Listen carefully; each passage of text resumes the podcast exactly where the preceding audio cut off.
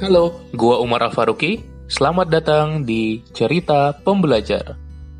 Sebuah podcast di mana gua akan sharing mengenai pengalaman, gagasan, dan pembelajaran. Halo, kembali lagi di podcast Cerita Pembelajar. Pada episode kali ini, yang mana merupakan awal dari bulan Ramadan tahun ini, Ramadan 1441 Hijriah, gue pengen mengucapkan selamat Ramadan dulu, selamat menunaikan ibadah-ibadah yang ada di bulan Ramadan buat semua listener cerita pembelajar yang menunaikan ibadah di bulan Ramadan dan semoga amal-amal ibadah yang kita lakukan selama ini dan juga di bulan Ramadan nanti itu diterima oleh Allah SWT dan diberikan ganjaran dan balasan yang berlipat ganda. Semoga ini bisa menjadi booster dari amal-amal kita yang bisa memberatkan timbangan amal sekolah kita di gamil akhirat kelak. Amin. Nah, jadi yang pengen gue bahas hari ini adalah bagaimana cara kita bisa melalui Ramadan di rumah gitu. Mungkin ini baru pertama kali ya kita merasakan Ramadan yang full di rumah karena adanya pandemi ini sehingga mungkin suasana, kondisi, situasinya menjadi berbeda. Kita semua sudah mendengar dan sudah tahu sepertinya bahwasanya besok sudah kita mulai dengan puasa hari pertama dan berarti malam ini juga kita mulai dengan sholat tarawih tapi sepertinya Ramadan kali ini akan berbeda dengan Ramadan biasanya banyak hal-hal yang menjadi berbeda karena kita memang perlu untuk membatasi interaksi sosial ya, interaksi fisik sebenarnya ya. Kita tetap bisa berinteraksi sosial dengan media, dengan platform yang ada. Tapi karena adanya pembatasan interaksi fisik ini, akibatnya banyak ibadah-ibadah yang mesti kita lakukan dari rumah. Yang umumnya kita bisa sholat di masjid gitu ya. Seperti tarawih, ya kan tarawih kita harus di rumah saja, di tempat tinggal saja, mungkin uh, bersama keluarga dan kita tidak bisa rame-rame lagi di masjid kan? Jadi memang ada perbedaan. Kemudian misalnya bukber juga ya kan? Jadi mungkin buka bersama tidak ada lagi ya seperti eh, reuni-reuni SMP SMA gitu. Karena memang perlu adanya pembatasan. Jadi mungkin ada yang kurang juga secara apa ya sensasi puasanya gitu. Jadi kita buka bersama mungkin dengan keluarga inti saja di rumah atau mungkin kalau yang merantau di kosan masing-masing jadi memang adanya perbedaan gitu. Kita juga nggak ada bikin sahur on the road seperti itu. Kemudian taklim dan kajian banyak juga yang diganti jadi digital gitu ya bukan diliburkan sebaiknya ya tapi dipindahkan ke platform digital gitu. Jadi supaya bisa mengakses dari rumah masing-masing. Sehingga adanya perbedaan suasana gitu yang mungkin tidak semeriah biasanya. Walaupun banyak dari kita juga apa ya mengkampen juga membuat memeriahkan di media sosial di internet supaya masih kerasa buah bahwasanya kita ini mulai Ramadan loh gitu. Jadi memang ada perbedaannya. Sehingga gue sendiri juga dan banyak teman-teman juga yang merasa kayaknya belum se prepared itu gitu untuk menyiapkan Ramadan ini karena uh, isunya juga bertabrakan ya dengan COVID-19 ini sehingga membuat kita bisa apa ya bisa mempersiapkannya seharusnya jauh-jauh hari tapi mungkin di sini jadi sedikit terlambat. Tapi lebih baik kita mempersiapkan daripada tidak sama sekali. Yang ingin gue bahas kali ini adalah bagaimana walaupun kita Ramadan di rumah kita tetap bisa tetap produktif gitu. Kita tetap bisa tetap produktif secara duniawi dan juga secara persiapan akhirat kita. Nah, jadi karena adanya perbedaan ini, tetap saja setiap Ramadan kita perlu menyiapkan mental dan hati ya. Jadi kita mensucikan hati kita, mempersiapkan diri kita untuk mengejar amal-amal ibadah di Ramadan ini, menjauhkan diri dari maksiat dan mendekatkan diri kita lebih banyak ke amal soleh. Itu di sini uh, gue akan coba share yang gue tahu aja gitu dan semoga di sini bisa bermanfaat gitu apabila ada yang salah mungkin bisa dikoreksi ya dikoreksi bisa langsung chat gue supaya ada improvement juga ke depannya Itu tadi yang pertama, bagaimana cara kita menyiapkan mental dan hati kita dalam menyambut bulan suci Ramadan ini yang hanya setahun sekali saja datangnya. Dan kemudian yang kedua adalah bagaimana cara kita melakukan perencanaan. Nah, perencanaan ini gue bagi dua, yaitu bagaimana pertama kita melakukan goal setting, dan yang kedua bagaimana kita lakukan scheduling atau time management. Jadi yang pertama, bagaimana kita memasang dulu target-target kita selama Ramadan ini. Seperti biasa, di Ramadan sering kali kita memiliki targetan-targetan, seperti baca Al-Quran hatam sekali, atau mungkin lebih, bisa. Kemudian kita bisa menargetkan diri kita untuk lebih rajin sholat duha, lebih rajin sholat tahajud, dan seterusnya.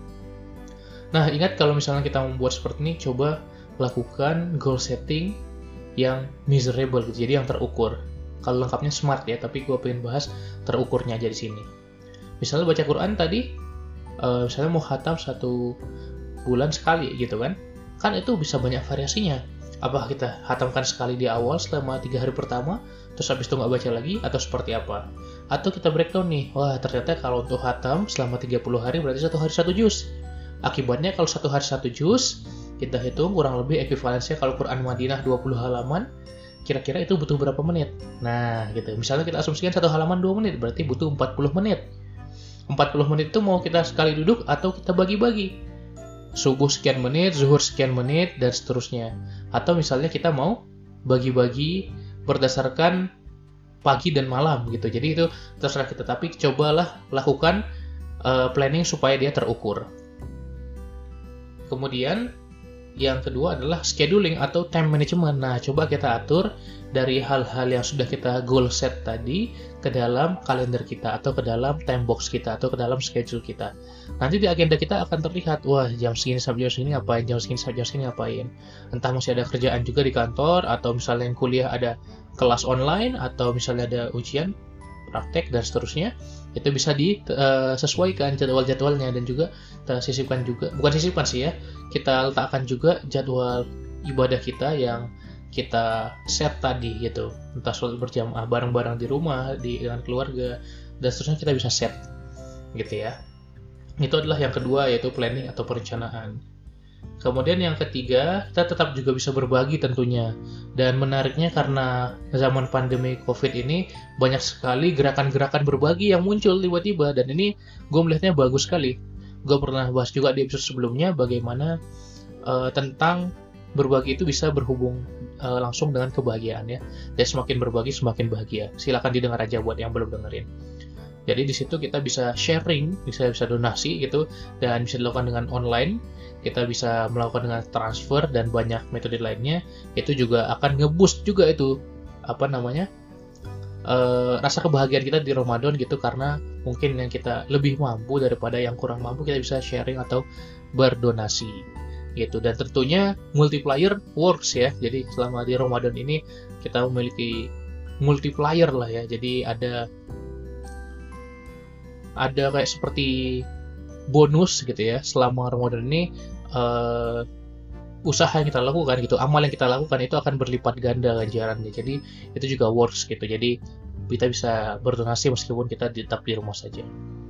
Dan kemudian yang keempat jangan lupa walaupun puasa kita nggak boleh bermalas-malasan itu bukan menjadi alasan untuk kita skip berbagai tugas tetap lakukan tugas-tugas kita. Entah itu tugas kantor tugas kuliah tugas sekolah kita tetap perlu melakukan itu. Tergantung masing-masing menyesuaikan dengan cara seperti apa dengan metode bagaimana. Tapi itu tetap perlu dikerjakan gitu. Dengan apa? Dengan planning tadi. Dan kemudian yang terakhir yang kelima kalau buat yang nanya banyak juga yang nanya bang gimana sih caranya? Selama kita Ramadan kita nggak tidur tiduran aja. Selama kita di rumah aja. Kita ini dekat banget dengan kasur pingin tidur aja bawaannya.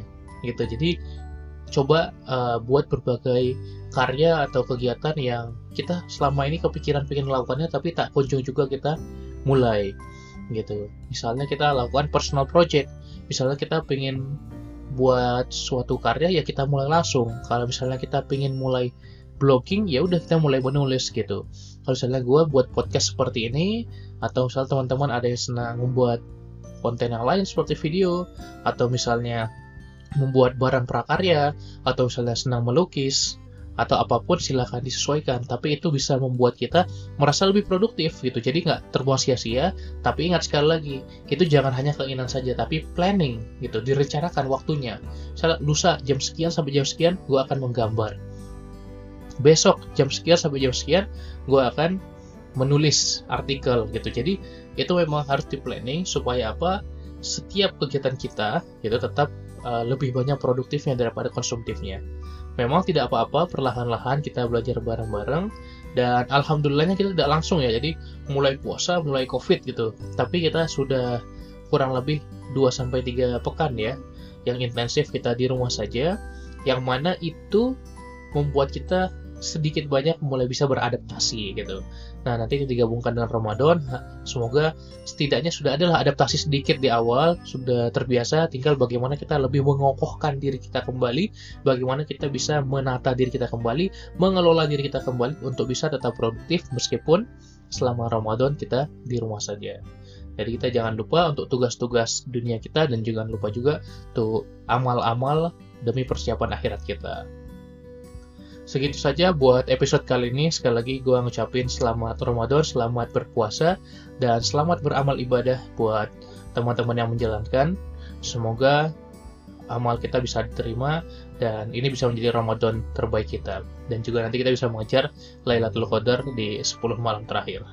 Semoga ini bisa menjadi berkah untuk kita semua dan silahkan share. Siapa tahu bisa jadi amal jariah buat lo yang nge-share juga. Terima kasih banyak yang sudah mendengarkan.